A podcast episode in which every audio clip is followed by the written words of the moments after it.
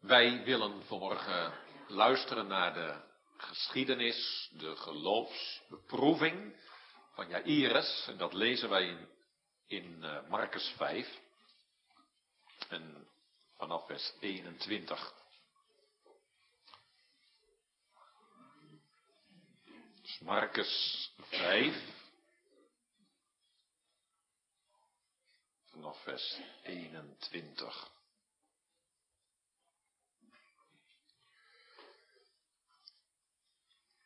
En daar spreekt de Heilige Geest vandaag tegen ons. En toen Jezus opnieuw in het schip was overgevaren aan de andere zijde, vergaderde een grote schare bij hem en hij was bij de zee. En ziet, daar kwam een van de oversten van de synagoge, met name Jairus, en hem ziende, viel aan zijn voeten en bad hem zeer, zeggende, mijn dochtertje is in haar uiterste. Ik bid u dat u komt en de handen op haar legt, opdat zij behouden worden en zal leven. En hij ging met hem, en een grote schare volgde hem, en zij verdrongen hem. En een zekere vrouw, die twaalf jaren de vloed des bloeds had gehad, en veel geleden had van veel medicijnmeesters, en al het haren daaraan ten koste had gelegd en geen baat had gevonden, maar met welke het veel eer erger was geworden, deze van Jezus horend kwam onder de scharen van achteren en raakte zijn kleed aan. Want zij zei, indien ik maar zijn kleren mag aanraken, ik zal gezond worden. En terstond is de fontein van haar bloed opgedroogd en zij gevoelde aan haar lichaam dat zij van die kwaal genezen was. En terstond, Jezus bekennende in hemzelf de kracht die van hem was uitgegaan, keerde zich om in de scharen en zei, wie heeft mijn kleren aangeraakt? En zijn discipelen zeiden tot hem, gij ziet dat de scharen u verdringt. En zegt gij, wie heeft mij aangeraakt? En hij zag rondom om haar te zien die dat gedaan had. En de vrouw, vrezende en bevende, wetende wat daarna geschied was, kwam en viel voor hem neer. En zei hem al de waarheid. En hij zei tot haar dochter, uw geloof heeft u behouden, gaat heen in vrede en wees genezen van deze uw kwaal. Terwijl hij nog sprak, kwamen enige van de oversten van de synagoges huis, zeggende, uw dochter is gestorven. Wat bent u de meester nog moeilijk? En Jezus terstond gehoord hebbende het woord dat er gesproken werd, zei tot de overste van de synagoge, vrees niet, geloof alleen. En hij liet niemand toe hem te volgen dan Petrus en Jacobus en Johannes, de broer van Jacobus. En kwam in het huis van de overste van de synagoge en zag de beroerte en degene die zeer weende en huilde. En ingegaan zijnde zei hij tot haar, wat maakt gij beroerd en wat weent gij? Het kind is niet gestorven, maar het slaapt. En zij belachten hem. Maar hij, als hij ze alle had uitgedreven, nam bij hem de vader en de moeder van het kind en degene die met hem waren en ging binnen daar het kind lag. En hij vatte de hand van het kind en zei tot haar, Talita Kumi. En dat betekent, gij dochtertje, ik zeg u, sta op. En terstond stond het dochtertje op en wandelde, want het was twaalf jaar oud. En zij ontzetten zich met grote ontzetting. En hij gebood hen zeer, dat niemand het zou weten. En zei dat men haar eten zou geven. Tot zover de schrift. En de kerntekst is het laatste gedeelte van vers 36. Vrees niet, geloof alleen. Dat mogen wij vanmorgen wel boven zetten. Gemeente, we staan vanmorgen in onze geest bij dat meer van Galilea. Noordkant ervan, bij het dorpje, stadje, Capernaum. Staat een groep mensen, die staan heel heel verwachtingsvol uit te kijken over het meer. Er komt een scheepje aanvaren. Zou hij erbij zijn? En jou hoor, als een scheepje dichterbij komt, kunnen zij de personen die zich in dat scheepje bevinden beter onderscheiden. En ze zeggen, ja, hij is erbij. Jezus uit Nazareth. En één man, daar gaat het dan bijzonder om in dat gezelschap wat daar zo verlangend uitziet naar de komst van Jezus. Dat is de man waarover we gelezen hebben, dat is Jairus. We weten niet zoveel van hem, maar we weten wel dat hij een overst is van de synagogen. Dus wij zouden in onze termen zeggen, hij was een soort dominee. Je had daar in Capernaum een synagoge, een Joodse kerk. En daar had je een pastor, een geestelijke leider. En dat was deze Jairus. Het geeft wel aan dat het een man was die respect kreeg, die vertrouwen genoot. Want anders word je niet benoemd. Anders word je niet benoemd als ouderling, anders word je niet beroepen als dominee. En er moet een bepaald vertrouwen in je zijn voordat je geroepen wordt voor zo'n ambtelijke functie in een geestelijke gemeenschap, in deze synagoge. Maar dat Jairus hier staat, heeft een hele bijzondere reden. Hij is van huis gegaan, grote angst en vrees en beven in zijn hart. Want hij heeft een kind, hij heeft één kind, een dochtertje, twaalf jaar oud. Misschien is het hier wel twaalfjarigen. En dat dochtertje van twaalf jaar is heel ernstig ziek. En alles wijst erop dat ze zal gaan sterven. En nu heeft Jairus het huis verlaten. Dat doe je toch niet? Als je kind zo ernstig ziek is. En als je denkt, mijn kind gaat sterven, ga je dan weg? Dan blijf je toch bij, dan wil je toch dat laatste uur en die laatste minuten bij haar zijn, haar troosten en dat meemaken en samen door die ontzaglijke crisis heen gaan. Ja, Iris is toch weggegaan. Want er is in zijn hart een verwachting dat die Jezus uitkomst kan bieden. Dat is toch heel bijzonder, hè? als je een Jood bent, als je een Joodse leider bent. Je weet dat die Joodse leiders helemaal niet veel moesten hebben van Jezus. En dan zeg ik het eigenlijk veel te vriendelijk nog. Ze moesten gewoon niks hebben van Jezus. Jezus zei tegen die hele beste brave mensen. Als jouw gerechtigheid niet meer is dan de fariseeën en de oversten van synagogen, dan kun je in het koninkrijk van God niet ingaan. En die mensen hadden al zoveel gerechtigheid. En die deden zo goed hun best. En die staken mijlenver boven anderen uit. Vonden ze zelf, maar vond de omgeving ook wel. En dan zegt de Heer Jezus, al die gerechtigheid, al die goede werk, al die oprechtheid en al die inspanning, stelt gewoon niks voor. Legt helemaal geen gewicht in de schaal.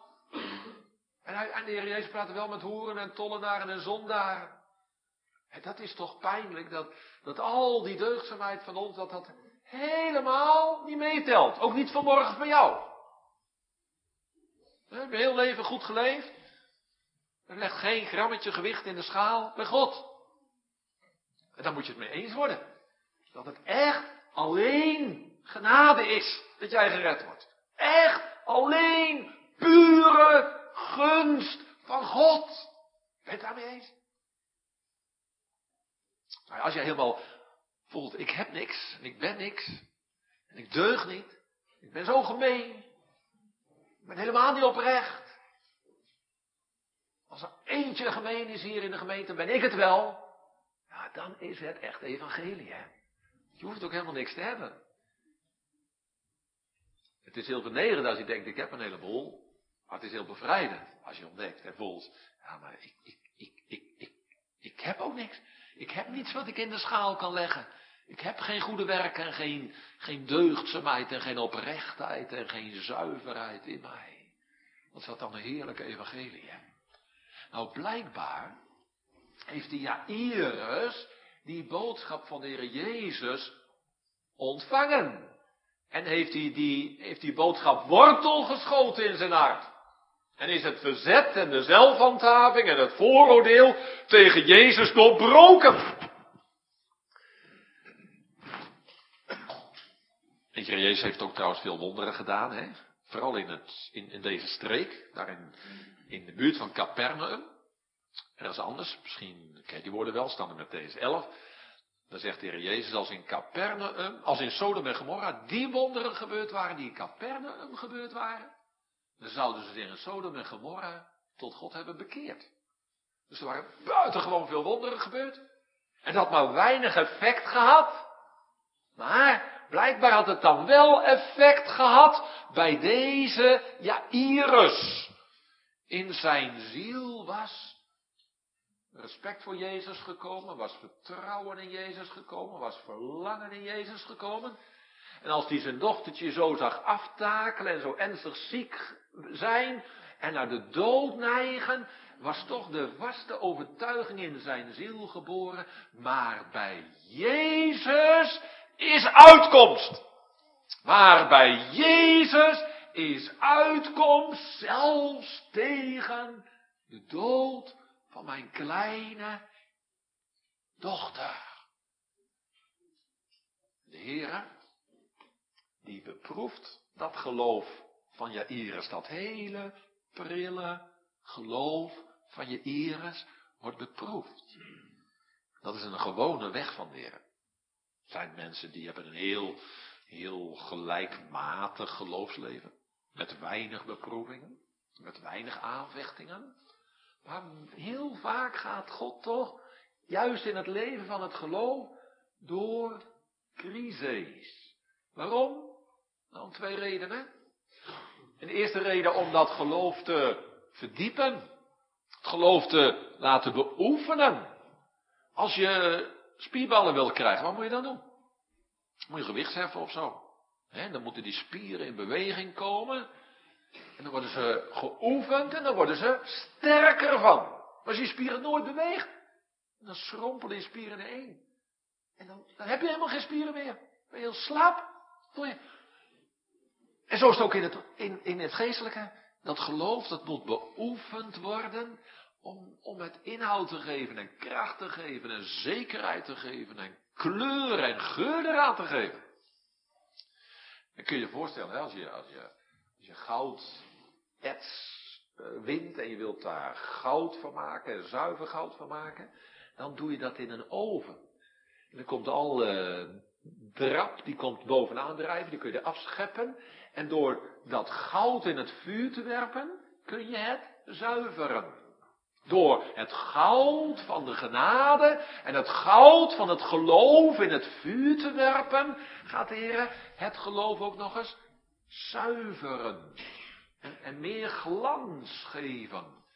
Dat we dieper en krachtiger ontdekken wat we wel van de Heer kunnen verwachten. En hoe betrouwbaar Hij wel is. En hoe machtig Hij wel is. Dat weet hij in het leven van je Iris. Daar is hij misschien in jouw leven ook wel mee bezig. Misschien liggen bij jou ook wel dingen overhoop en loop je met dingen vast en kom je in crisis. Het zou maar zo kunnen zijn dat dat is dat de Heer wil laten zien, niet wat jij allemaal kunt, maar dat de Heer aan jou wil laten zien wat Hij allemaal kan. En hoe machtig Hij wel is om jouw ziel te vertroosten in droefheid. Of jouw ziel leidzaamheid te geven in het lijden. En dan wordt het lijden niet weggenomen, maar dan laat de Heer je wel zien dat zijn genade en zijn gunst en zijn vrede meer is dan alle omstandigheden.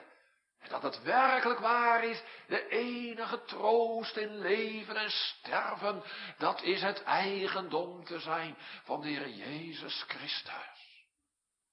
Een tweede reden waarom de Heer het geloof beproeft, in deze zin hier bij, bij Jairus, nou, als dat geloof in de ziel van Jairus is.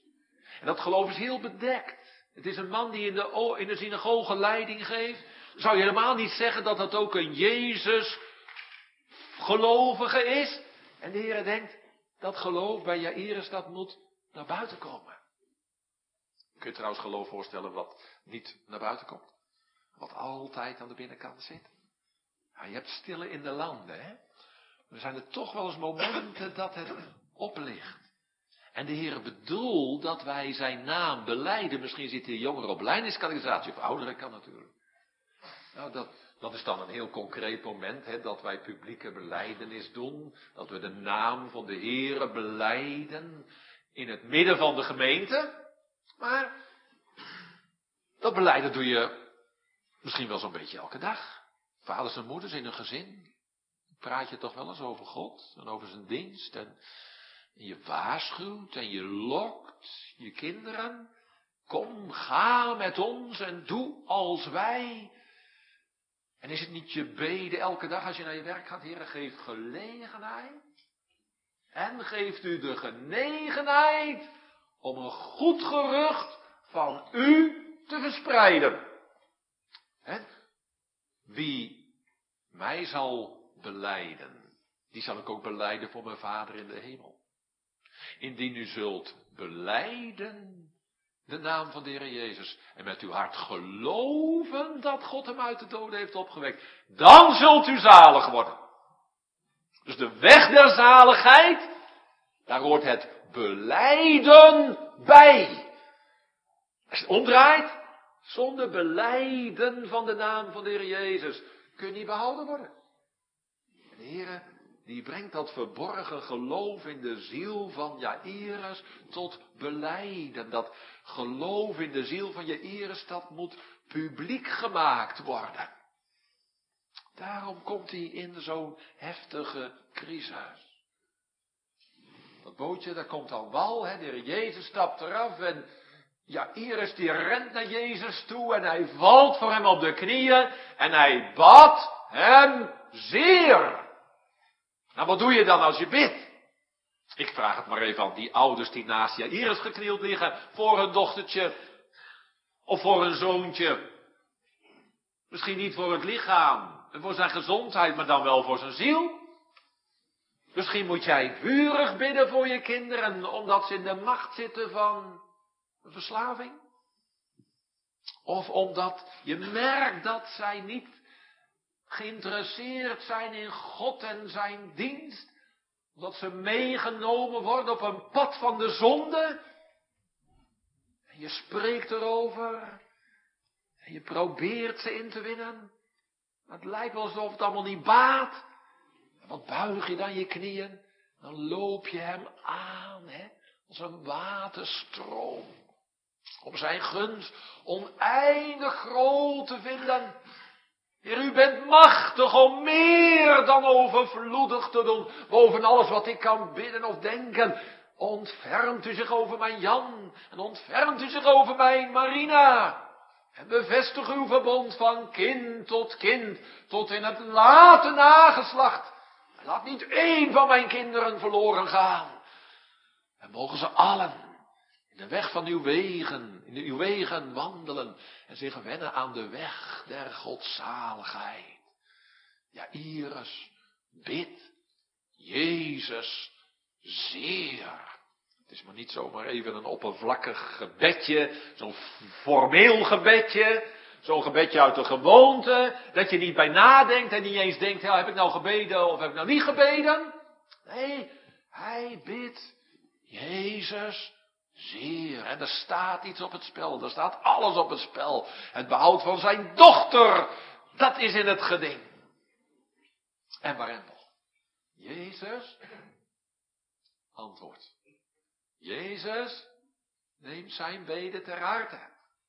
Jezus zegt, ik ga met je mee naar Jairus, naar jouw huis. Als Jezus niet hoeven doen. Je zou je maar kunnen voorstellen dat Jezus dat niet deed bij een Joodse overste. Mensen die altijd zo, zoveel wantrouwen tegen hem uitspreken en zijn werk ondermijnen en ondergraven en daar vraagtekens bij zetten. Het belachelijk maken. Hem uitmaken voor een vreter en voor een wijnzuiper en voor een overste van de duivelen. Maar Jezus gaat met Jairus mee.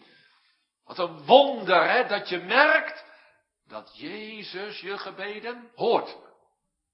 Weet het ook wel eens? Zo in de binnenkamer, we zongen dat voor de dienst, hè, wat blijdschap smaakt mijn ziel, wanneer ik voor u kniel in het huis dat gij u hebt gesticht, hoe lief heb ik uw woning, de tent, o hemelkoning, die gij u ter ere hebt opgericht. Maar misschien ook, Dat je onder de prediking van het evangelie verkeert, hè? En je mag gevoelen in je hart door de Heilige Geest dat de Heer Jezus Christus een hoorder is der gebeden. En als Hij wordt uitgestald, dat je ziel open bloeit naar Hem. En dat er verwachting is voor Hem en voor, van Hem voor jou en voor je kinderen. En wat een, wat een vreugde heb je dan al bij voorbaat. En wat een vrede mag je dan proeven en smaken. En hoe strekt je ziel zich uit naar Hem? hoe ben je dan betrokken op de dingen die Hij zal doen? Ik blijf de Heere verwachten en ik hoop in al mijn klachten op Zijn onfeilbaar woord. Als je zo bemoedigd wordt, juist door de prediking van het evangelie heen, hè, dat er bij Hem uitkomsten zijn, zelfs tegen de dood. En dan lezen wij over een tweede beproeving in het leven van Jairus. Wat is die tweede beproeving? Nou, moet je eens kijken hoe dat gaat.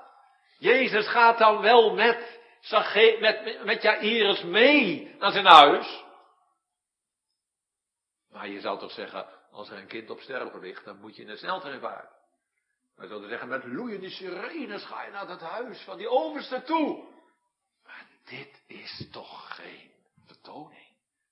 Voetje voor voetje en die hele massa mensen die verdringt zich om de Jezus in. Er zit geen, geen beweging in bijna. Als dat zo door moet gaan, hoe lang zal het nog wel duren voordat Jezus eindelijk bij dat doodzieke kind is? En zal die dan niet te laat zijn? De beproeving hè, voor het geloof dat, dat de Heer het op zijn manier doet en de Heer op zijn tijd doet en met zijn tempo doet. Dat onze klok niet zijn klok is. Dat hij zo traag lijkt te zijn. Dat het precies gaat volgens het plan van de Heer Jezus. Niet sneller, niet langzamer. Hij heeft zijn plannen, hij heeft zijn bedoeling met deze Jairus. Wat zal er in het hart van Jairus zijn omgegaan? Je zo erg getroffen bent door dat doodzieke lijden van je kind. En dan heb je antwoord gekregen van de Heer Jezus en hij gaat met je mee. En er is verwachting gekomen waar geen verwachting was. En nu lijkt al die hoop nog weer de grond in te worden geslagen. Waarom moet het nou zo traag gaan? En er komt er nog een beproeving overheen. De derde beproeving. Want Jezus, die gaat niet alleen langzaam, maar staat stil. Dan kijkt hij de scharen rond en dan zegt hij, wie heeft mij aangeraakt? Wie heeft mijn kleren aangeraakt? dat is toch een onzinnige vraag, zeggen de discipelen ook tegen hem. Van, als al die mensen zo om u heen staan, Jezus, en die willen alles van u zien en alles van u horen en ze verdringen zich, ja, dan lopen ze tegen u aan en dan, dan raken ze u aan. Nee, zegt Jezus, maar dat bedoel ik niet. Iemand heeft mij heel bewust aangeraakt. En iemand heeft kracht van mij ontvangen in dat aanraken van mijn kleren. Er is nog iemand blijkbaar met een verborgen geloof. En dat moet ook openbaar worden, moet ook onthuld worden. U kunt uw verborgen geloof niet altijd verborgen houden. Misschien moet jouw verborgen vertrouwen op de Heer ook publiek gemaakt worden. Misschien is het tijd dat u de naam van de Heere gaat beleiden. Deze vrouw heeft al die jaren dat dat dochtertje op aarde was, heeft zij die, dat bloedvloeien gehad. Twaalf jaar, hè? Even lang. Twaalf jaar dat vloeien van het bloed dat maar niet ophield. Ze zal vreselijk zwak geweest zijn. Ze is naar de ene arts gegaan en naar de andere specialist gegaan. En ze heeft heel haar spaargeld daaraan ten koste gelegd. Maar heeft nergens geholpen. En de kwaal is alleen maar erger geworden. En ten laatste denkt ze, laat ik naar Jezus gaan. En als ik Hem aanraak, dan zal ik gezond worden. Ze raakt hem aan. Wat staat er dan? Terstond was er genezen.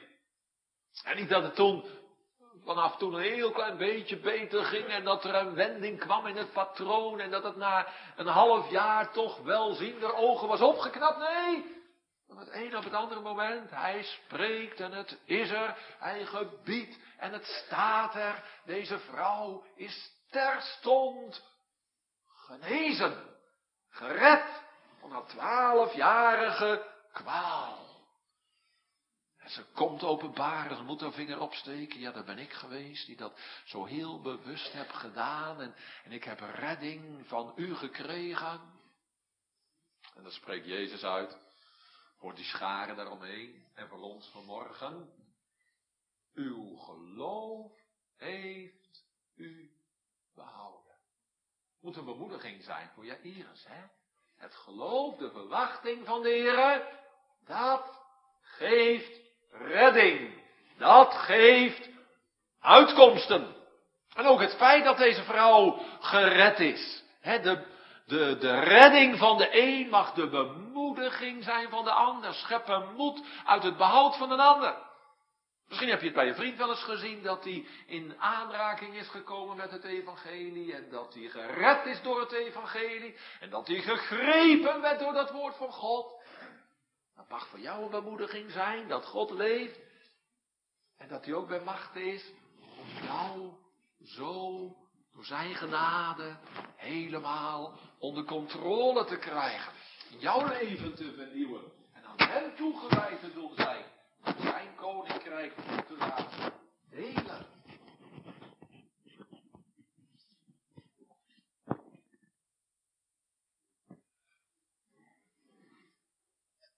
De, deze vrouw die krijgt ook nog de, de, de aanspraak dochter.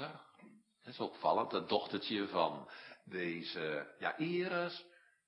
Dat is niet zomaar een aanduiding, hè. Dochter, dat betekent iets in, ik, ik aanvaard je als dochter, ik heb een relatie met jou, ik heb een relatie als ouder van jou, met jou als dochter. Aanneming tot kinderen ligt daarachter, hè. Dat God zondaren adopteert in zijn goddelijke huisgezin en dat hij met vaderlijke zorg en met vaderlijke ontferming over hen is bewogen. Heel omstandig wordt die geschiedenis van deze bloedvloeiende vrouw verhaald. En, Sage, en, en deze Jairus, hè, hij staat maar ongeduldig te wachten. En hoe moet dat verder? En zal het allemaal wel goed komen? En dan ziet hij een paar knechten uit zijn huis aankomen. En die wenden zich naar hem. En die zeggen, via de beproeving, het is te laat. Valt de meester niet langer lastig? Hij hoeft niet meer zo snel naar uw huis te komen. Want uw dochter heeft de laatste adem uitgeblazen. Dat is aangrijpend. De vader, ja Iris, was er niet bij. Zijn kind gestorven. Nu is het te laat. Alle hoop is nu vervlogen. Als iemand ziek is en Jezus raakt je aan, ja, dan kun je genezen worden. Maar als de levensadem verdwenen is, is er dan nog hoop? Is er dan nog verwachting? Wat moet er nu door de ziel van Jairus zijn heen gegaan? Waar is God op wien gij bouwde en aan wien gij uw zaak vertrouwde? Wat een onrust en wat een verwarring en wat een vertwijfeling en wat een droefheid en wat een wanhopigheid dringen zich dan aan je op en maken zich van je meester. En voordat Iris iets heeft kunnen zeggen en voordat iemand iets heeft kunnen opmerken, klinkt het woord van Jezus. Vrees niet, geloof alleen. Jezus is heel pastoraal. En Jezus die weet als pastor wat er in de ziel van Jairus omgaat en welke vrees zich meester maakt van zijn ziel. En als er vrees is, dan word je afgesloten voor de boodschap van het evangelie. Word je helemaal omkneld en omsnoerd. Dan word je neergedrukt. Dan ben je niet ontvankelijk voor het evangelie. Vrees niet. Maar geloof alleen. Wat moet Jairus geloven dan? Moet hij geloven in een happy end? Moet hij geloven dat alles toch nog weer op zijn pootjes terecht zal komen? Nou, wat is geloof? Zegt u het maar. In die grootste smarten. Is dan het geloven vooral een geloven in iets? Of is het geloven dan vooral geloven in iemand? Is dat geloven dan? Met al je nood en al je verwarring en al je vertwijfeling en al je onmogelijkheden. Je verliezen aan Hem. Hem als je enige toevlucht en als je enige troost overhouden.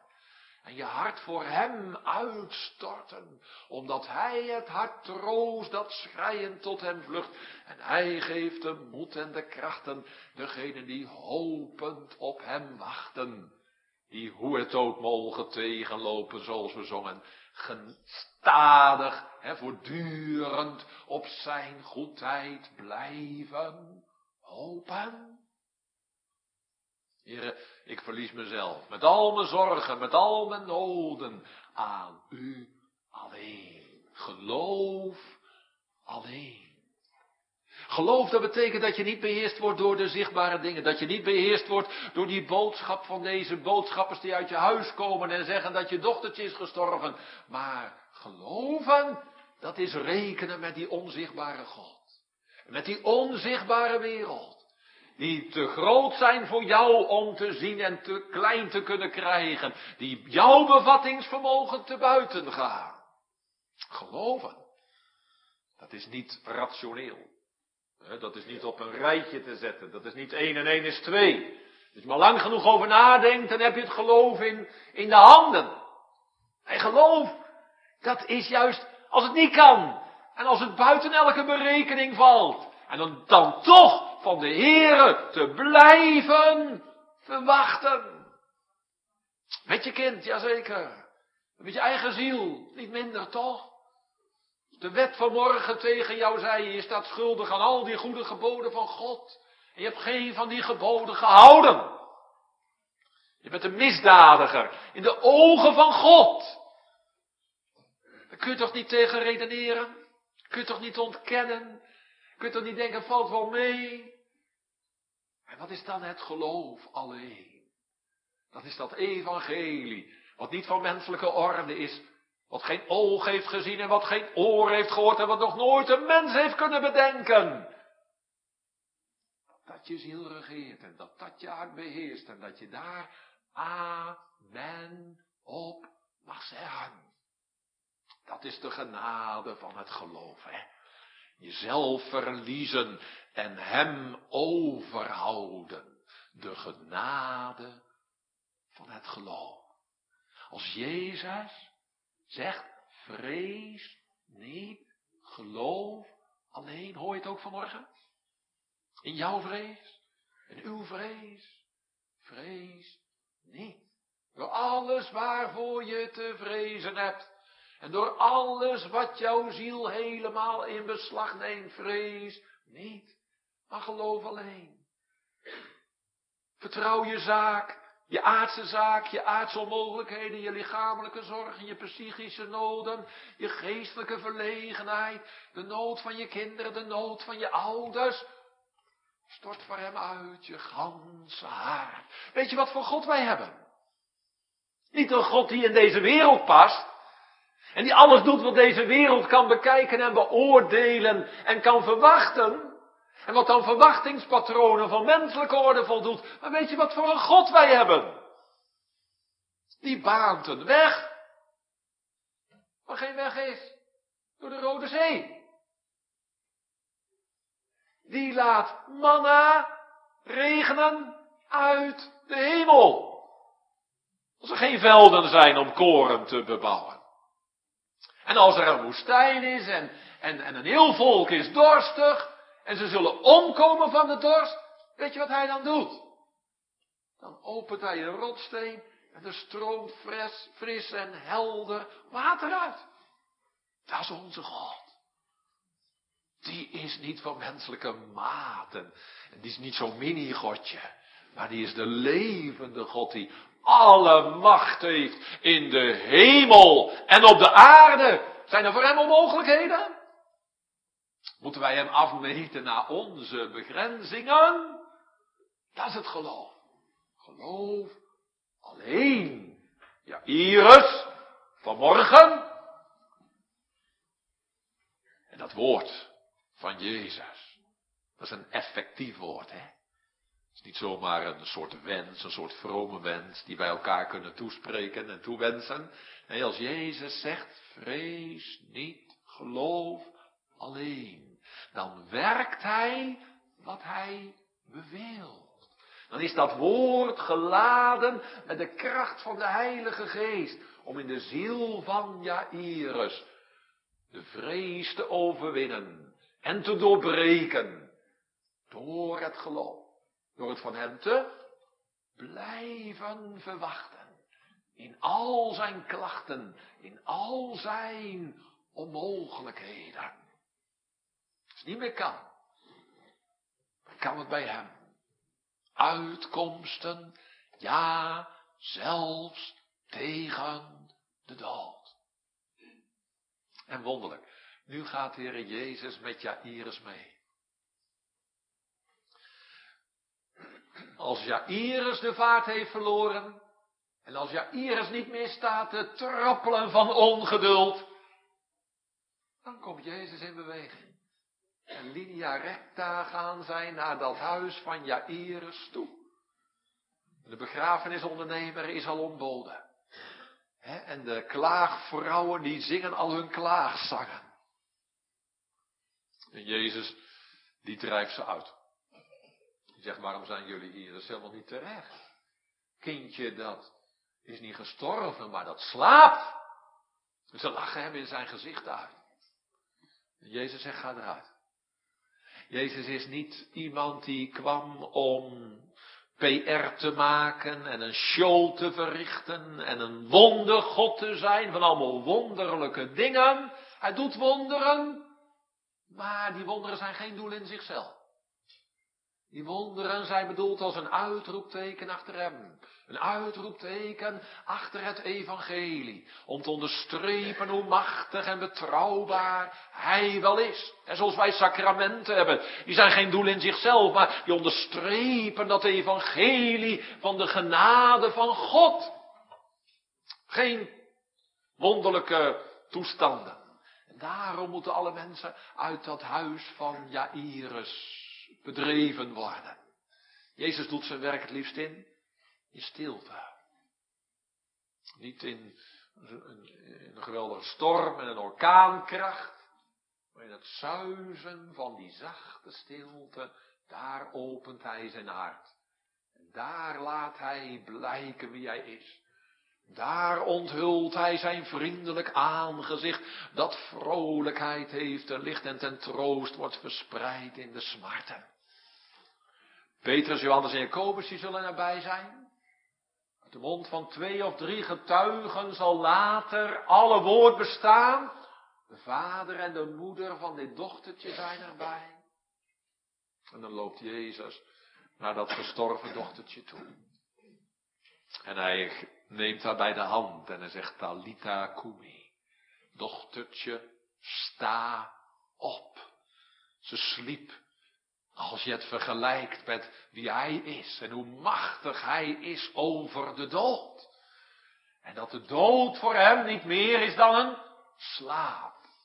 Hij wekt wakker uit de doodslaap. Alsof het een slaap is. Hij is de opstanding en het leven. Hij is het leven in eigen persoon. En de dood zal het van hem moeten verliezen. Is dat niet de machtige prediking die daaruit oprijst voor ons? Het gaat niet alleen om het geloof van Jairus en de beproeving van het geloof van Jairus en, en de verhoring van dat gebed van Jairus, maar hier doorheen openbaart Heer Jezus Christus wie Hij is. Hij is degene wie Hij zegt dat Hij is. Ik ben de opstanding En ik ben het leven. En wat hij hier doet, dat is een heel klein voorproefje van de jongste dag. Daar zal de dood definitief verslonden zijn tot overwinning. Daar zal het leven en de onverderfelijkheid, wat nu al in Jezus is en in zijn koninkrijk is, zichtbaar doorbreken. En alle dood zal definitief gedood zijn. Die dochtertje van je Iris is weer gestorven. Ze kwam terug in dit leven. Maar Jezus is opgestaan aan de overkant van het graf. Hij is opgewekt in grote kracht en heerlijkheid. En zo zal hij al degenen die bij hem behoren ook doen opstaan. En in zijn heerlijkheid doen delen. Heerlijker dan het paradijs. En dat konden wij verliezen. Wat wij terugkrijgen van de Heer Jezus Christus, dat is onvergankelijk. Dat is een verheerlijk lichaam. Je wordt straks, als je een begrafenis krijgt, in zwakheid gezaaid en in kracht opgewekt. In oneer word je aan de schootraden toevertrouwd. En in glorie zul je tevoorschijn geroepen worden. Het zijn twee dingen die wij niet kunnen, hè? Dat is zonde oplossen en vergeven. En de dood overwinnen. En Jezus is voor die beide gekomen om de zonde macht te doorbreken. Als jij in zonde geboeid bent en de zonde stroom niet stil kunt zetten, beproef Jezus. Net als Jairus of hij niet machtig is om de zondemacht te doorbreken en jouw ziel te vervullen met heilige verlangens en met een heilige gerichtheid op de levende God. Hij is machtig om meer dan overvloedig te doen boven alles wat wij bidden of denken. Hij rekent af met de dood. Hij is de dood ingegaan, jazeker. Maar hij heeft de dood overwonnen. Van binnenuit overwonnen. Dan moet je sterk zijn. Je gestorven bent. En dan in eigen kracht de grafzerk opricht. Dan heb jij de dood gedood. Dan ben je sterker dan de dood. Dan heb je het leven en de onvergankelijkheid aan het licht gebracht. Dat zal op de jongste dag zo zijn. Er zal geen graf gesloten blijven. Maar al de gelovigen van alle tijden en van alle plaatsen zullen in dat onvergankelijke lichaam, dat verheerlijkte lichaam van de Heer Jezus Christus delen. Voor de Joden heeft dit nog extra betekenis. En zij verwachten de Messias. En zij geloofden als de Messias zal komen, dan zullen de doden opgewekt worden. Jezus verricht hier een teken op dat ze over hem niet hebben te klagen.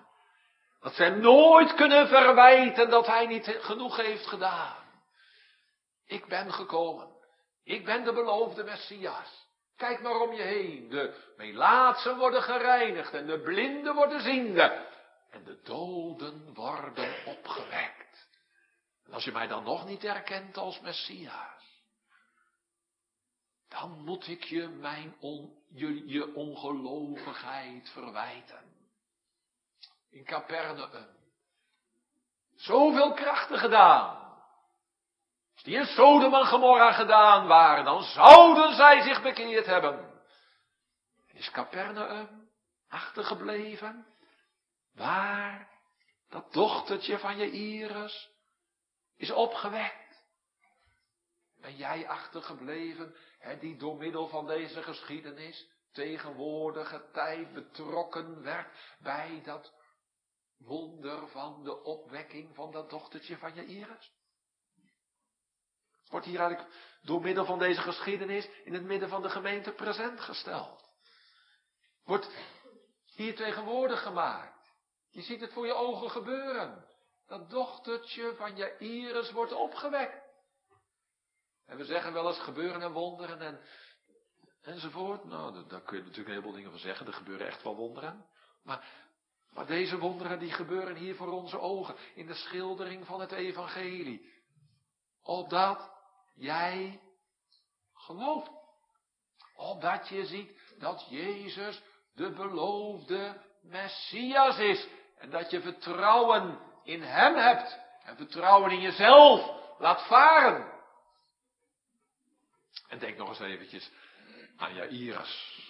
En denk eens aan je eigen beproevingen van het geloof. Het is door een crisis heen gegaan en niemand zit op die crisis te wachten. Dochtertje, ernstig ziek.